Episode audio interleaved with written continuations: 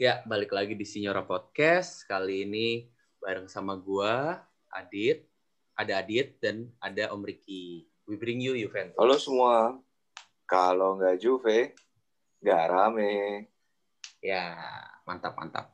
Oke. Jadi kita bahas hasil minggu lalu dulu kali ya. Eh apa? Apa mau langsung bahas Merda aja kali? Iya, yang terakhir kali kan si Inter kan ya. Iya. Kita kemarin menang kan 2-1 di Copa. Gimana? Iya, Om Rik? di, di kandang mereka lagi. Iya, di kandang mereka lagi. Om Rik gimana Om Rik? Kita kebobolan duluan lagi. Nah itu dia. Jadi awalnya gue pas ngeliat formasi, ini kan empat back ya kalau misalnya di grafik ya.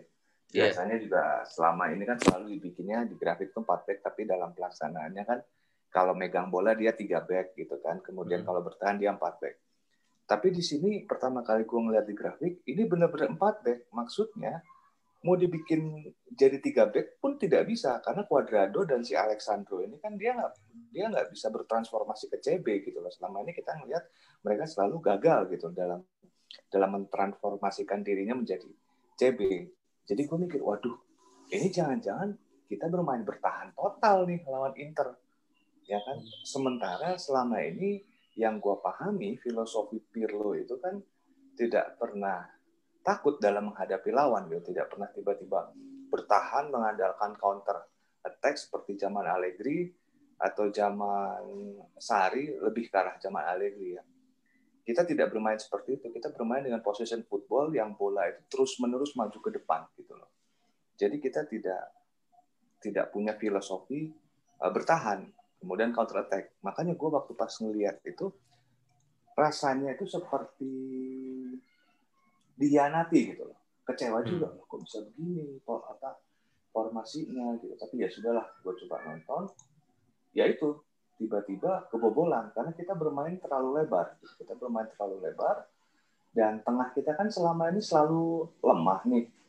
Kita selalu ketembus di tengah, makanya kita tuh bermain itu dengan tiga back itu supaya agak rapat di tengah, supaya kita tuh gak gampang kebobolan di di tengah gitu loh. Nah ini Hmm. kita bermain terlalu lebar, akhirnya kebobolan lewat counter attack udah biasa banget deh. Itu udah pemandangan umum selama ini Juve selalu kebobolan lewat counter attack model kayak begitu gitu loh. Tapi sejak sekebobolan itu gue jadi mikir atau jangan-jangan memang disengaja sama Pirlo bermain empat back ini yaitu untuk memecah Inter yang memang bermain rapat gitu loh. Dengan dia bermain dengan empat back mengandalkan sayap, ini maksudnya untuk stretching pertahanan Inter supaya keluar. Karena kan tiga back di belakangnya ini kan rapat banget itu tinggi-tinggi Iya. gede begitu kan Heeh, heeh. Betul. dan dia memancing Inter untuk bermain melebar dan uh, berusaha untuk mengeksploitasi kekurangan asli yang aslinya kan memang nggak begitu bagus ya belakangan ini kan jadi dieksploitasi supaya si asli yang ini bisa memancing untuk terus keluar Gua Liang yang selalu begitu. yang. iya ya, jadi gue mikir oh jangan-jangan memang mungkin taktiknya Pirlo untuk memancing Inter bermain bermain lebar gitu loh toh walaupun kita bermain empat, empat back yang yang teorinya itu untuk bertahan, toh pada pelaksanaannya kita tidak terlihat bertahan. Kita Iya, betul. terlihatnya justru tetap menguasai bola, tetap bola itu maju ke depan. Jadi gue sempat awalnya mikir ya, ya mudah-mudahan seri deh gitu loh, mudah-mudahan. Eh malah malah menang gitu loh. Walaupun betul memang menangnya lebih lebih lebih syarat unsur luck lah ya. Siapa yang nyangka bola ngelambung Bernadesi kok bisa-bisanya sih itu ditarik gitu kan? Si itu benar-benar konyol banget lah asli yang lah. Ngapain juga dia narik si Cuadrado benar-benar naif gitu. Padahal bolanya si Bernadesi juga kan nggak nggak nggak nyampe-nyampe acan gitu kan. Terus Iya. kemudian ada salah passingnya si Bastoni gitu. Jadi ya lebih syarat unsur lah. Tapi apa namanya toh kita juga melakukan uh, permainan yang yang yang yang yang cukup baik gitu ya si Buffon, Demiral gitu. Jadi so far sih gue sih cukup puas lah sama hasil kemarin dan kemungkinan besar minggu depan nih pas uh, leg kedua ya mudah-mudahan kita bisa lolos lah dengan dengan dengan dengan menerapkan permainan yang model yang sama gitu bro. Nah, kalau gue kebalik nih, kalau gue nggak puas sama permainan kemarin, karena menurut Apa gue tuh, Din? mainnya substandard sih. Maksudnya main, maksudnya kita tahu potensi dan kemampuan yang sebetulnya Juve bisa tunjukin, tapi mainnya sebenarnya kalau dibilang bagus, menurut kalau menurut gue ya nggak bagus menurut gue. Kayak yang uh, Om Ricky bilang tadi, kita menang juga pure. Gue bisa bilang kita menang pure on luck karena uh, itu ya kebegoan Ashley Young gitu kan yang mana itu bola bola Bernades itu 99,99 persen tidak akan menghasilkan sesuatu gitu. Emang uh, dan menurut saya gua ya. Iya, menurut gua penaltinya soft banget. Iya, memang dia narik, tapi gua pas lagi di cek VAR tuh gua 90 5%, 99% yakin itu tidak akan penalti. Eh ternyata penalti gitu ya. Terus habis itu um, ya lagi-lagi menang menang atau skor skor penentu kemenangannya tuh adalah uh, kejeliannya Ronaldo aja itu bener-bener individual brilliance dia aja gitu untuk bisa itu gitu. Itu pun juga again luck juga boleh yang dia tembak pelan pelan pelan pelan masuk tiang terus masuk gitu nah di luar itu menurut gua permainannya gak bagus sebetulnya. Yang yang khususnya di tengah kita banyak kalah gitu ya in terms of pressing sama intensity gitu. Di depan juga uh, ya peluang ada cuman yang bersih banget sebetulnya uh, minim lah kalau dibanding sama uh, Inter juga punya beberapa peluang bagus gitu ya. Um, defense menurut gue ya cukup rapat walaupun emang kita kebobolan dari counter attack kampret itu gitu kan. Tapi ya gue merasa gue merasa kayak ya udah emang kita menang pure luck aja gitu. Dan bisa jadi kita lolos tapi ya udah based on ya sekarang kan posisinya udah enak banget ya. Hmm. uh, agregat unggul satu gol di kandang lawan gitu kan ibaratnya kalah satu kosong aja juga masih lolos kan? Kita kalah satu kosong aja masih lolos gitu. Hmm. jadi kayak ya udah ini bener-bener gift sih menurut gua. Dan um, ya gue cuma berharap apa ya uh, euforianya berlanjut lah. Tapi juga nggak bikin jumawa gitu. Karena harus banyak improve sih. Ini kalau gua ngerasa ini nunjukin kalau Juve tuh masih angin ya angin anginannya masih tapi masih ya gitu kelimpungan lawan tim yang sama kuat atau lebih kuat gitu tapi gini, Dis, gue penasaran sedikit kan lu udah lama nggak muncul nih. Menurut lu uh, dari awal terakhir kali lu dari terakhir kali lu nongol nih di podcast ini sampai ya, gue sekarang. juga lupa lagi terakhir kapan ya. Iya, ya gue juga lupa sih to be honest. Cuman maksud gue kayak uh, dari lu menurut lu sebenarnya dari waktu itu sampai sekarang Juve nih udah mulai ada ya ini belum perkembangan belum walaupun mungkin belum signifikan mungkin belum nah, signifikan. Nah, menurut, gitu. Iya, jadi mungkin beberapa poin yang ini adalah uh, ya setelah inilah ya, mungkin kita ngomong setelah turn of the year ya, setelah masuk ke tahun baru ini gitu. Um, defense lebih bagus dengan masuknya Delik gitu ya, sama Sandro. Uh, tengah masih berusaha nyari komposisi gitu. Ini yang ini yang gue yakin ribuan if not ratusan ribu Juventini bingung kayak gue makan ini bagus nih Ramsey bagus kenapa cadangan lagi cadangan lagi gue ya walaupun uh, oke okay lah kalau dalam kasus Inter kemarin Copa doang gitu kan mm-hmm. cuman kenapa masih masih nemuin komposisi yang pas di tengah tuh masih susah banget gitu Arthur bagus McKennie bagus Ramsey bagus. Gue pribadi ngerasa trio di tengah tuh yang paling yang yang sejauh ini ya yang bagus perform bisa ngasih hasil itu Arthur McKennie sama Ramsey. Gitu ya terlepas dari oke okay, Ramsey banyak cedera Arthur juga kemarin sempat cedera ringan gitu. Cuma kayak Pirlo susah banget sih nyari komposisi yang pas gitu. Bentancur juga angin-anginan Rabio juga angin-anginan gitu. Jadi gue ngerasa yang lacking tuh itu sih masalah utama mungkin di tengah gitu. Nah kalau overall menurut gue Juve consistently inconsistent masih itu terus sampai sekarang. ya, agree, agree, agree. Uh, nah sekarang masalahnya kan di empat match berikutnya Juve ini bakal uh, jadwalnya lumayan berat ya. Abis Roma, Inter, Napoli, Porto Liga Champions. Ya mungkin Porto nggak nggak seberat dua, tiga tiga lawan sebelumnya, cuman tetap aja Liga Champions gitu kan. Apalagi uh, leg pertama tuh di kandangnya Porto yang lumayan ngeri gitu kan. Eh, nggak uh, usah jauh-jauh, kita bahas Roma dulu aja. Kalau menurut Om Rick gimana? nih lawan Roma? Lawan Roma, iya. Ini menarik ya. Kemarin terakhir kali kita ketemu sama dia udah menang 2-0 tiba-tiba disalib jadi dua dua ya kalau nggak salah ya. Iya dua sama. Ah dua sama. Itu kan ya. dulu permasalahan kita itu di masalah defense. Kita benar-benar tengahnya itu bolong gitu ya. Jadi gampang banget gampang banget di counter sama lawan sama Roma. Belum lagi ditambah kartu merah kan Rabio waktu itu. Iya. Waktu itu Rabio apa Kiasa sih waktu itu? Rabio, Rabio, Rabio, Rabio. Rabio ya. Oke. Okay. Nah, kalau Kiesa yang lawan Crotone. Oh gitu. Iya, iya, iya. Nah, sekarang itu permasalahannya setelah setelah perjalanan setengah musim terlewati, kita ketemu lagi nih sama Roma. Roma ini tetap tim yang serangan baliknya paling mengerikan. Si Dave pernah ngomong tuh kemarin, terakhir kali Roma lawan siapa gitu ya, terakhir kali lawan ya, itu siapa? Kemarin ini memang Ver Roma Verona ya, kalau nggak ya. salah.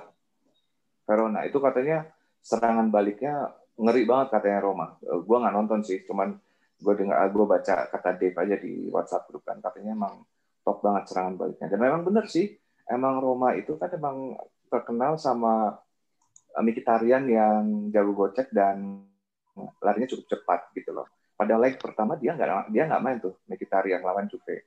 Nah sekarang eh main nggak sih? Gue lupa. Mkhitaryan si itu juga agak lupa sih.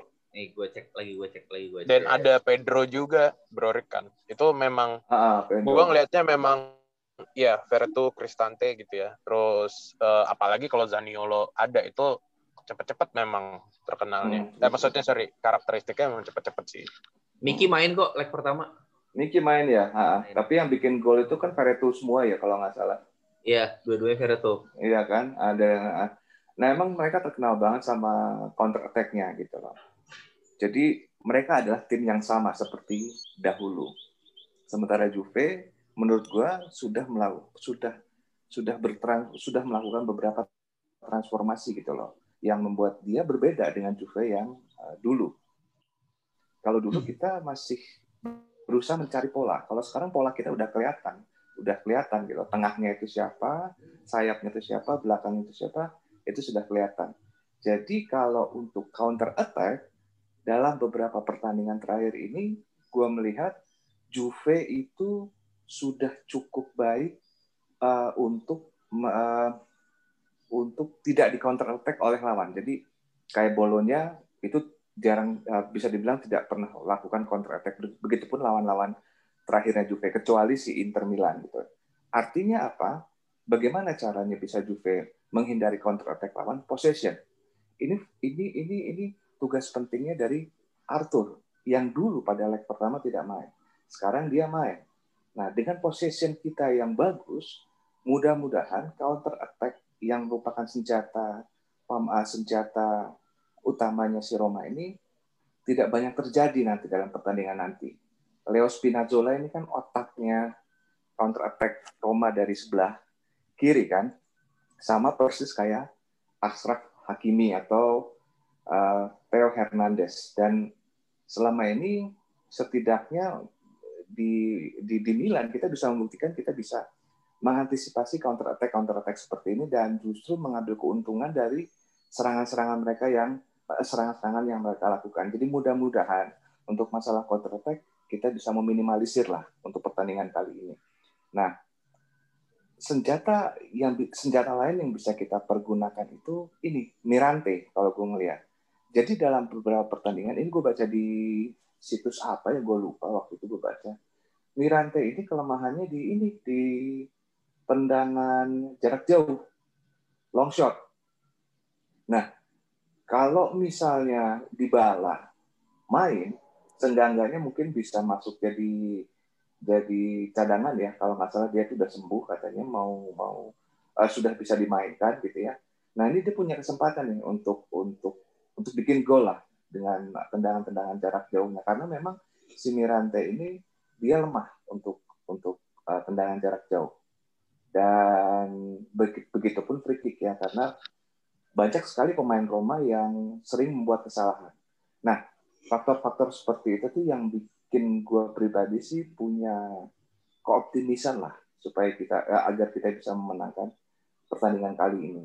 Salah satu syaratnya lagi ya kita harus bisa bermain seperti uh, yang kita tahu, maksudnya uh, percaya diri lah itu standar lah ya. Terus possession football gitu, asal jangan kayak lawan Fiorentina aja yang tiba-tiba blank bikin kartu merah, udah habis cerita kalau udah kayak begitu sih. Hmm. Paling begitu bro. Oke. Okay. Nah, uh, Dit, ini menarik lagi nih ya. Uh, Juve sama Roma ini punya dua karakteristik yang kalau dilihat dari statistik itu cukup berbeda. Roma ini tim yang banyak ngegolin, tapi banyak kebobolan juga. dari segi ngegolin mereka paling banyak ketiga di Serie A setelah Merda sama Atalanta. Sedangkan Juve punya pertahanan terbaik. Ya. Menurut lu uh, gimana nih dari segi dari segi dari segi gaya bermain dua yang sangat berbeda itu? Iya, gue uh, ngerasanya itu benar sih karena uh, di berapa match terakhir Roma tuh nggak pernah nggak kebobolan. Jadi nggak pernah clean sheet lah ya. Jadi selalu kebobolan terus kebobolan terus gitu. Although gue nggak terlalu mantengin sih siapa aja kiper yang turun, tapi most probably kan ya kiper utamanya sekarang Mirante kan ya. Um, gue ngerasanya sih oh, sebetulnya sorry, dengan... potong dikit. Semenjak pergantian tahun nih Roma baru dua kali clean sheet memang benar. Iya kan? Uh-uh. Gitu. Seingat gue kayak lima atau enam match gitu gue sempat baca-baca dikit kemarin. Lima apa enam match terakhir tuh selalu kebobolan aja. Bahkan sempat sempat gue lupa ada ada kalah 3-0 sekali lawan yeah, siapa dari Spezia. Itu kan gara-gara gara-gara ini itu kan gara-gara miss administrasi kalau nggak salah ya tiga kosong itu ya. Oh iya, yang, yang lawan yang lawan betul. Nah, dia kalah lawan Lazio. Seingat gue ya, seingat gue. Iya, yang yang itu ya. Sebelumnya. Uh, kalau yang Spezia kan uh, saat administrasi gara-gara dia masukin berapa pergantian itu kan ya. Uh, uh, uh, uh. Lazio dia kalah banyak tuh. Lawan Lazio ya, ya kalah 3-0. Mm-hmm. Ya, ya. Nah, anyway, menurut gue ya kalau diadu, Juve pun sama dia eh, ya Juve pun juga sering kebobolan lah ya gitu. Uh, tapi kalau menurut gue biasanya kalau diadu antara tim yang nggak gitu sering golin tapi juga uh, apa uh, defense-nya bagus sama tim yang banyak golin tapi banyak kebobolan juga biasanya yang unggul yang uh, lebih sedikit kebobolan lah gitu ya. Nah, uh, bener karakteristiknya beda banget. Yang satu main cepat counter attack gitu, yang satu uh, ya Juve lah ya mainnya masih possession football. Uh, uh, walaupun uh, secara tempo udah lebih cepat lah ya dibanding dibanding uh, Allegri ball maupun Sarri ball gitu ya. Tapi gue ngerasanya memang uh, kuncinya itu sih. Kalau gue sebetulnya uh, main 4-4-2 tuh ketara banget ketika walaupun uh, formasinya bisa fleksibel gitu ya secara taktik di atas lapangan. Tapi ketika gue tuh sedikit bisa ngelihat kapan Pirlo berusaha untuk main tiga back dengan dua wing back plus dua wing back sama ketika dia benar-benar main empat back gitu.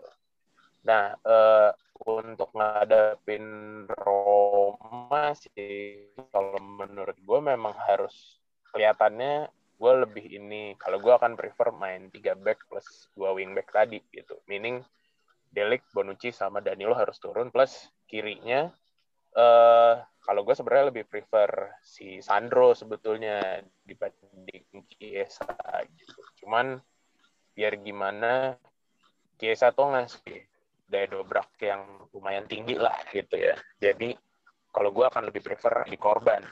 Cuman gue sih ngerasa memang uh, ini satu poin yang menarik juga. Cuadrado tuh yang tadinya di luar ekspektasi gitu ya, bener-bener jadi asis God di di waktu itu sempat strik kan asis asis asis asis nah ini dia kayak kehilangan angin nih sekarang gitu sementara habis Kesa sebetulnya lagi bagus. Ya mungkin vouchernya habis benar belum uh, nyetok lagi di toko hijau atau di toko orange gitu ya. Gitu. Nah uh, gitu. Terus menurut oh, gua memang gue setuju banget sama Om Rick tadi. Jangan sebut merek lah pokoknya. Adalah, itu jangan nyebut Kalau disponsorin sih nggak apa-apa. Kecuali ada yang mau endorse ya. uh, siapa tahu mau endorse uh, foto kayak dia atau posi gitu. oh. Oke. Okay, uh, gue setuju sama Om Rick. Itulah. Oke, okay, gue setuju sama Om Rick tadi. Kuncinya bisa jadi ada di Arthur gitu. Untuk yang bisa nahan bola gitu ya tapi dia memang harus ditemenin sama itu kita pernah kalau nggak salah terakhir terakhir gue ikutan nge-podcast tuh gue pernah bahas juga memang Arthur itu karena dia karakteristiknya banyak nahan bola mainin tempo gitu ya. Dia harus ditemenin sama gelandang-gelandang yang bisa uh, ngalirin bola dengan cepat begitu mereka dapat bola dari Arthur gitu. Gue ngelihatnya memang uh, sebetulnya pilihannya ada di Ramsey sama itu kenapa mereka bertiga cocok karena yang satu ngetektokin bola either ke sayap atau ke depan atau balik lagi ke Arthur atau gelandang yang satu lagi. Uh, gitu sih. Sementara kalau depan kan ya udah pasti lah ya depannya pasti Ronaldo sama Morata karena di bala pun kayaknya uh, masih questionable lah gitu apakah dia bisa balik lagi ke match ini atau enggak gitu dan masih angin-angin juga. Sih kayaknya ya. Siapa? Oh di Bala. Iya. Betul. Itu. Hopefully Morata sih uh, udah udah balik ke top apa ya top uh, physical performance lah ya. Kan dia udah turun jadi starter kemarin juga cadangan gitu hmm. kan. Itu tinggal memang ya dia harus tinggal nemuin keran golnya lagi lah gitu. Oke, okay. uh, eh, tadi kita bahas, tadi kan ada lu ada nyinggung dikit soal Cristiano ya. Uh, di Barcelona itu kan terkenal dengan Messi dependensianya. Nah, uh, gue ngerah, gue nggak tahu sih gue, gue ngerasa nih ya, uh, Juve musim ini tuh cukup cukup tergantung sama Ronaldo dengan hampir separuh golnya Juve kalau nggak salah dari Ronaldo kan. Hmm, nah, betul dengan empat match yang selanjutnya ini cukup apa cukup penting ditambah juga uh, Ronaldo yang umurnya udah udah nggak muda ya udah udah lumayan tua. Mereka dia baru ulang tahun kan kemarin tuh. Yeah. oh iya benar. Happy yeah. birthday Chris. Happy birthday happy birthday ya, nah itu gimana nih caranya Pirlo untuk ngistirahatin Ronaldo di tengah padatnya jadwal yang kayak gini. Menurut lu gimana, Dit? Kalau gue juga bingung sih. Gue sih ya, kalau main di FM gue pasang terus. Kalau kalau di situasi kayak gini ya maksudnya, uh. gue sih gue pasang terus sih.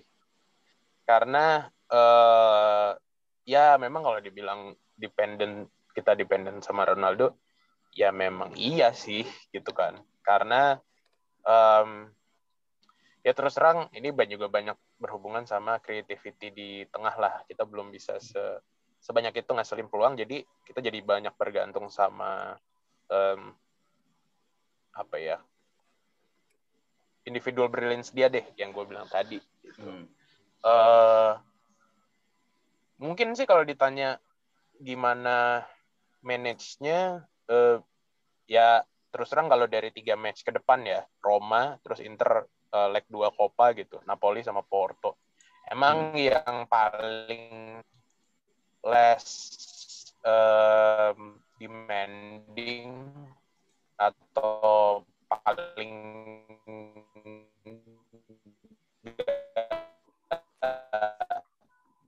nggak terlalu urgent gitu buat dia turun ya leg dua lawan Inter sih.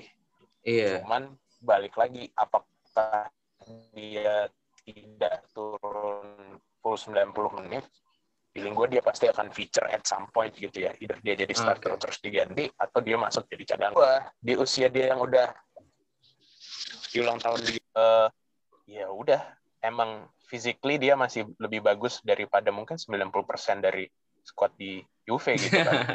Jadi gue ngerasa sih, ya gue ngerasa uh, Cyborg yang satu ini sebetulnya masih punya more than enough gas di di apa tangkinya untuk hmm. ngeladenin tiga match plus satu match yang nggak gitu penting ini gitu. Jadi kalau gue sih ngerasa kayaknya dia bakal turun terus, feature terus, uh, paling ya at some point ketika skornya udah enak gitu ya atau posisinya udah enak bisa jadi dia diganti gitu. Hmm. Oke. Okay. Nah, gue sih cuma berharap di Bala juga um, bisa sembuh paling nggak buat buat buat dia sama Kulus, di Bala sama Kulusevski bisa uh, feature untuk gantiin ide Ronaldo atau Morata. Nah, Om Rick, kita kan tadi udah ngebahas soal umurnya Cristiano yang nggak lagi muda ya Om ya. Ya. Nah, ini gue sebenarnya gue baru nemu sih di Marka bahwa di antara lima uh, liga top Eropa, Juve ini hmm. punya skuad paling tua keempat. Setelah Crystal hmm. Palace di urutan satu, Merda di urutan ya. dua, dan West Ham di urutan tiga.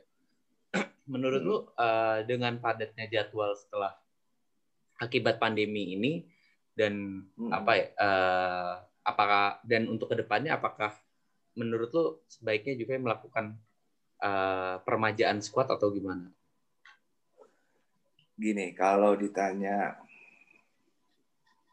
untuk match yang padat dalam beberapa pekan ke depan, gue sih setuju kata Adit. Mungkin dia bisa diserahkan pada leg kedua lawan Inter gitu ya. Kita kasih hmm. kesempatan lah buat Dybala untuk perform ya Dybala Kulusevski atau Dybala Morata. Kemudian untuk di Napoli juga sebetulnya dia bisa sih diistirahatin karena kan Koulibaly kan nggak main tuh. Jadi hmm. kita bisa bisa bisa memanfaatkan kecepatannya si Morata Kulusevski karena satu-satunya yang paling cepat di defense Napoli kan cuma Koulibaly gitu loh. Begitu hmm. dia nggak main ya, ya kita bisa manfaatkan untuk mengistirahatkan Cristiano gitu.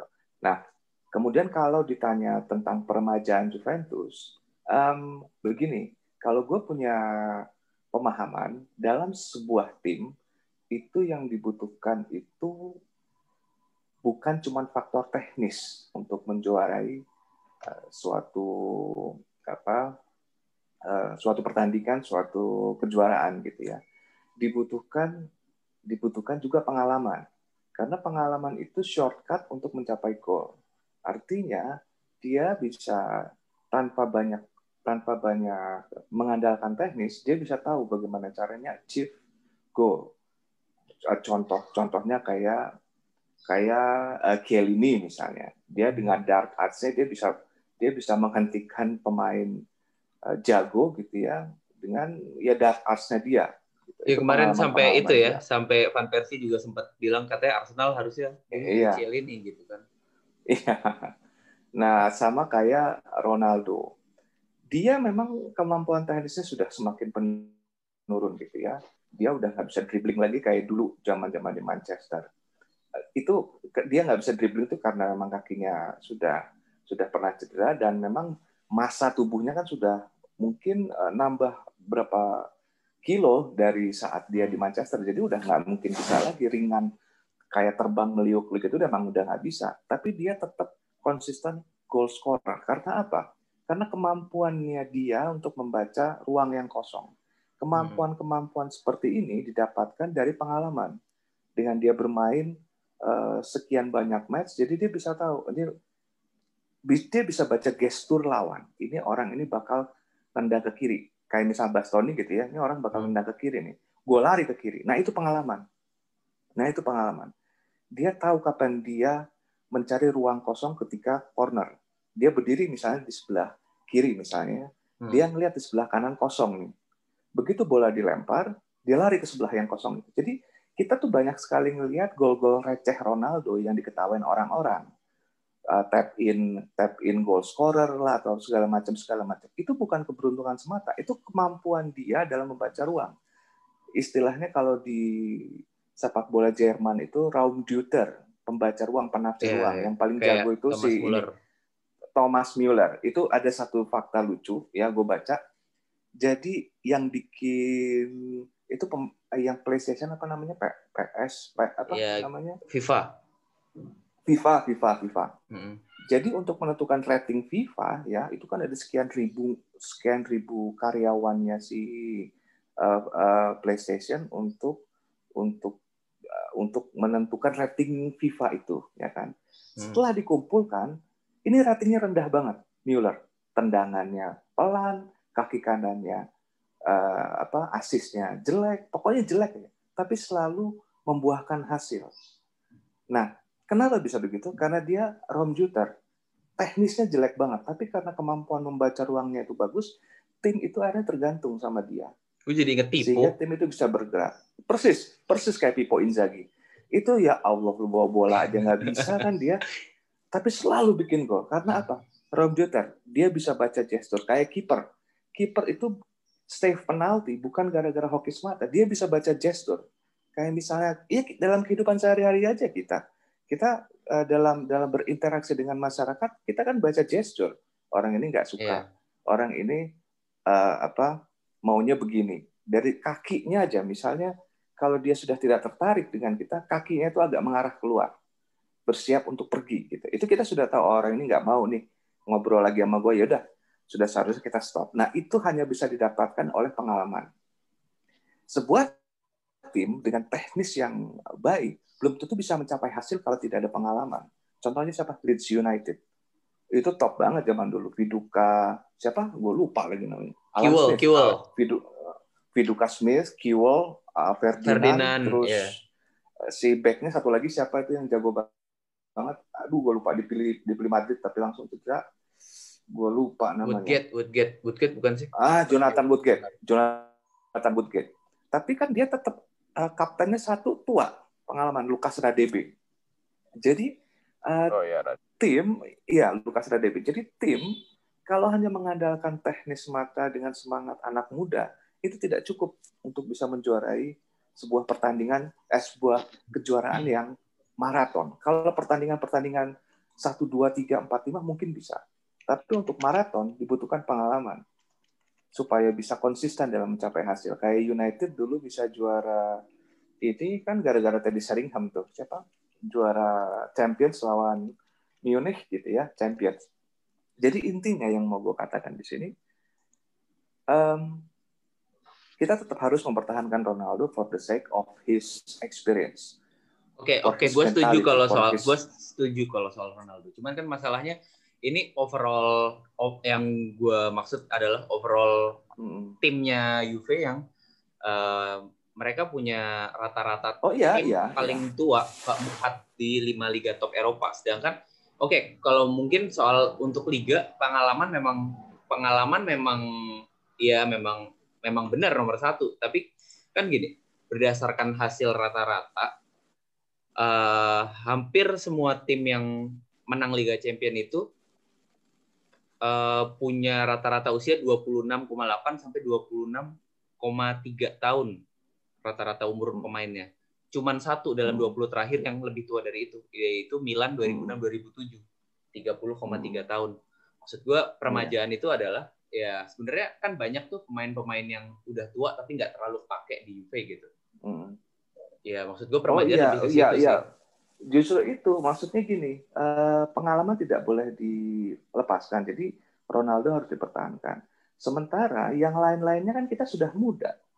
Ada Morata, ada Kulusevski. Iya, Tengahnya, Jadi... tengahnya kita aja si tiga orang ini kalau digabung umurnya paling berapa? Ya kan Arthur, Mikeli, Bentancur semua di bawah 25. Sayap cuma Cuadrado 30. Sebelah kirinya Kiesa anak muda juga. Atau mungkin jadi, rataan ini sebenarnya gara-gara Buffon ya jadi kelihatan jadi kemungkinan rataan. jadi lebih tinggi gara-gara iya gara-gara Buffon. Jadi gue pikir sih untuk musim ini kita kan masih transisi nih dari musim lalu yang bangkotan tuh. Nah musim ini kita masih transisi. Untuk musim depan gue sih yakin anak-anak muda yang bakal naik. Anak-anak muda bakal naik. Nah gimana Dit menurut lo Dit mengenai omongannya Om Riki ini? Uh, gue setuju sih in a sense bahwa um, khususnya di kalau kita ngomong tadi kan lu bahas Champions League ya. Kalau kita hmm. ngomong Champions League, biar gimana uh, experience itu penting gitu kan.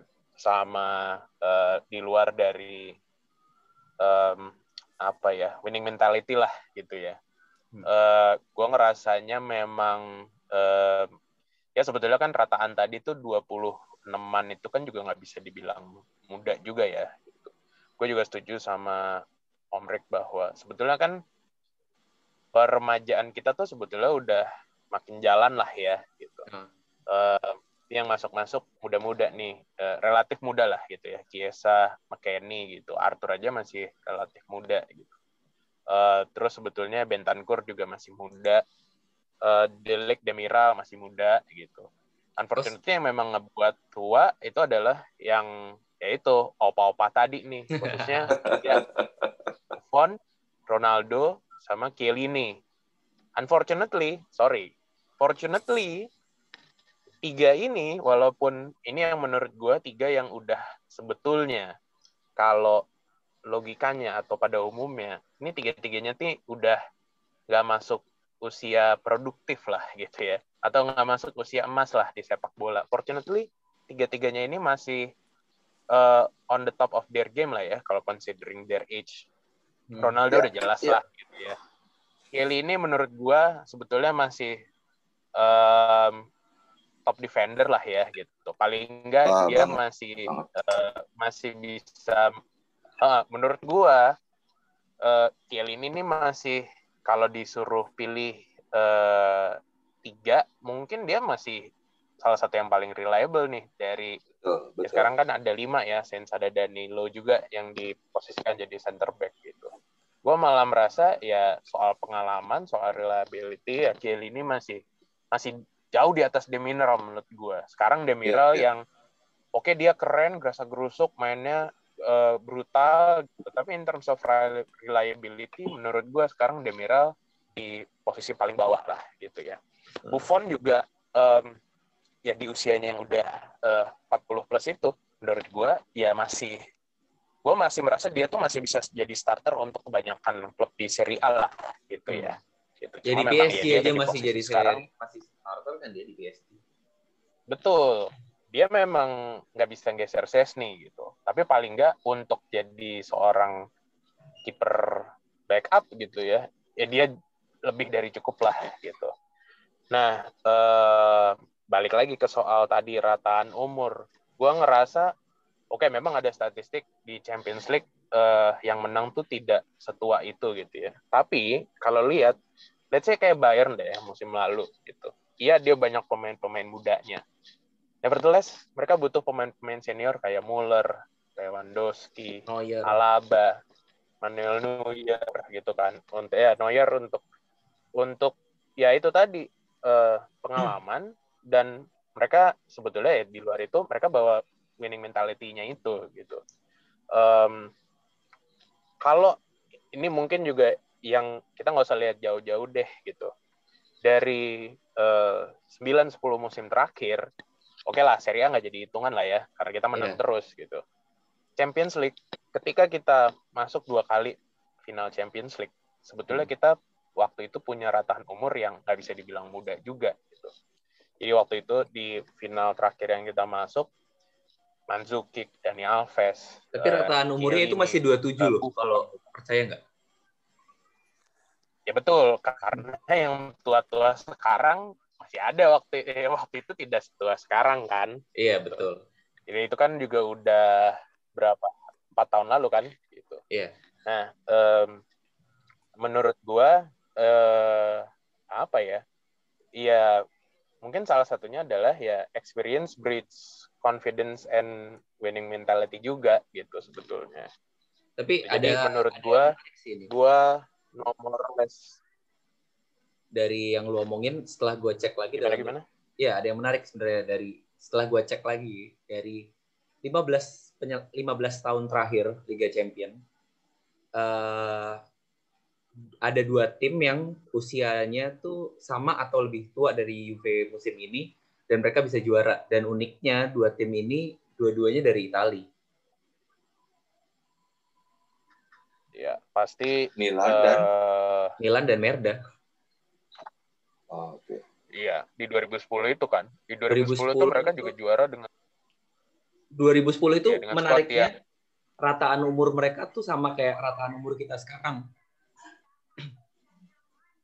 Jadi memang eh gua menurut gue ya bisa jadi ini it's an Italian thing lah gitu.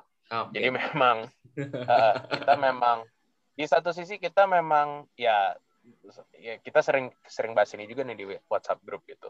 Itali tuh umur 25 masih dianggap wonderkid dalam tanda kutip gitu ya. Karena Wah, itu, iya itu benar. kita kita kita ter, kita terlalu inilah ya di di di liga-liga top lain tuh pemain muda berprospek tuh paling mentok umurnya 23 gitu. Kiesa aja kadang-kadang masih dianggap yang padahal dia udah umur 25 gitu ya. Ya dia masih dianggap pemain muda berbakat gitu kayak ya 25 sebetulnya nggak Eh. muda sih gitu. Iya. eh ya cuman di satu sisi yang lain gitu eh mereka nih pemain-pemain Italia mungkin banyak yang evergreen gitu ya jadi di umur 32 33 34 35 itu masih at the peak of their game lah gitu. Ya ini bukan cuma di Juve kayak Chiellini, Bonucci, Barzagli, Buffon gitu ya. Cuman kelihatan kayak Quagliarella misalnya, eh, Di Natale gitu kan, Pirlo yang eh, even setelah dia pindah dari Milan ke Juve tetap tetap jadi eh apa playmaking god gitu kan. Mm-mm. Jadi ya gitu jangan-jangan memang ini net Italian thing lah gitu bahwa ya sebetulnya eh satu sisi kita mungkin di luar di luar Calcio gitu ya orang ngelihatnya ih tua-tua gitu. Eh tapi tua-tua ya. Jadi menurut gua em, ya bisa jadi memang tim-tim Italia tuh mem- me- apa eh, anomali atau atau eh, apa ya memang terbukti matahin stigma itulah bahwa lo nggak bisa terlalu tua untuk menang Euro Champion eh ntar dulu bisa jadi it's an Italian thing untuk ngematahin stigma itu gitu. Setuju, setuju, setuju, setuju. Oke. Ya kita punya ciri sendiri lah ya. Italia. Gimana kalau sekarang kita main tebak-tebakan aja? Oke. Tebak-tebakan skor aja, tapi kalau tebak-tebakan yang lain mah yang jago Om Rick. Video 19 Eh, gua detik. kira- Gue kira mau tebak-tebakan harta tahta terus Pevita apa Rachel Chia atau Gisela juga boleh, Gisela. Eh, Oke, eh Juve Roma nih, Juve Roma. Gimana Om Rick? Tebak skor. Aduh, gue jujur paling nggak nggak nggak nggak bisa tebak-tebak skor itu karena eh, apa? eh, ya oke lah. Mungkin dari tendangan bebas sekali, kemudian dari eh, ya dua dua kosong dua satu lah paling kita menang ya kali itu Ronaldo sama gue sih nggak begitu suka Dybala untuk musim ini ya karena menurut gue nggak sesuai dengan sistem Pirlo karena dia tidak tertib posisi. Tapi dia punya kesempatan seandainya dikasih kesempatan main dari bench gitu karena dia kan baru sembuh cedera tuh. Mungkin free kicknya dia bisa jadi bikin gol. Ya kita lihat aja. dua dua satu lah di Oke. kita menang. Mudah-mudahan. Lawan Merda? lawan Merda nanti. Ah. ya mudah-mudahan satu kosong aja lah menang. Ya kan lewat Fagioli ya harapan gue cita-cita mimpi jadi bisa ada permajaan kan tuh pagi Oli Ya, benar benar benar benar benar. gitu Dit gimana Dit lawan Roma Dit?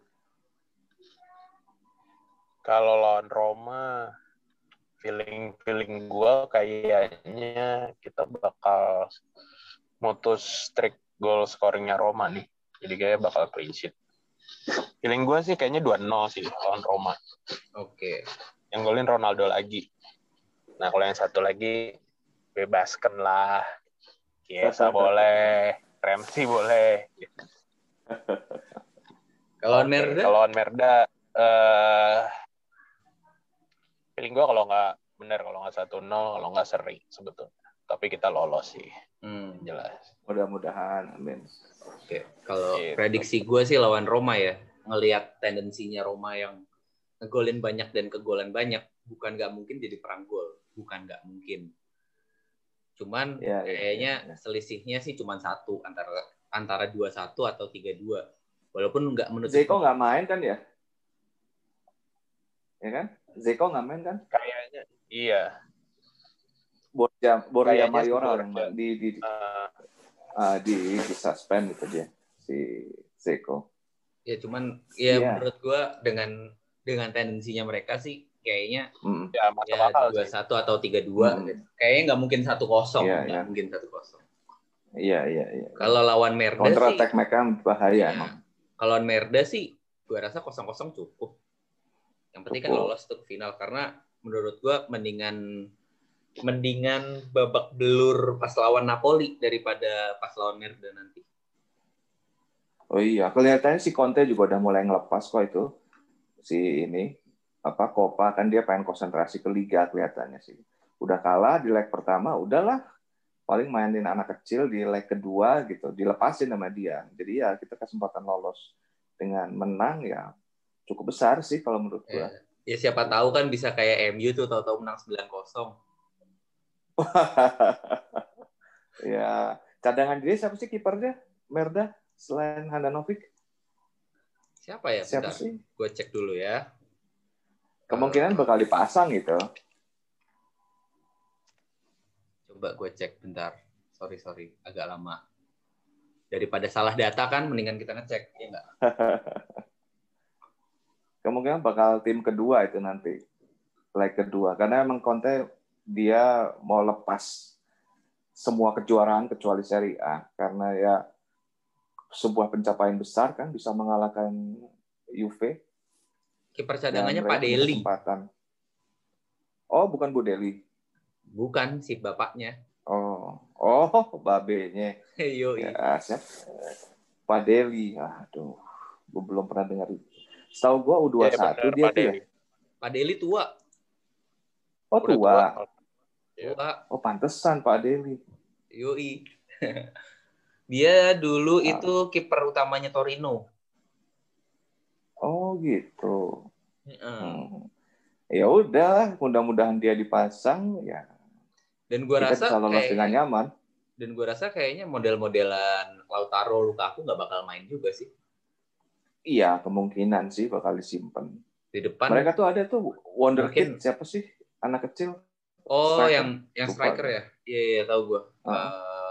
Gue lupa lagi. Itu di FM bagus tuh dia. Salcedo kalau nggak salah. Saicedo. Oh. Orang Italia kok nama Saicedo? Iya, orang Itali. Mereka penyerang Oh, gitu. atau Pinamonti. Nggak tahu juga. Oh, deh. Pinamonti. M- mungkin Pinamonti, Pinamonti. Ya, keli- kelihatannya Kemarin turun juga tuh jadi cadangan.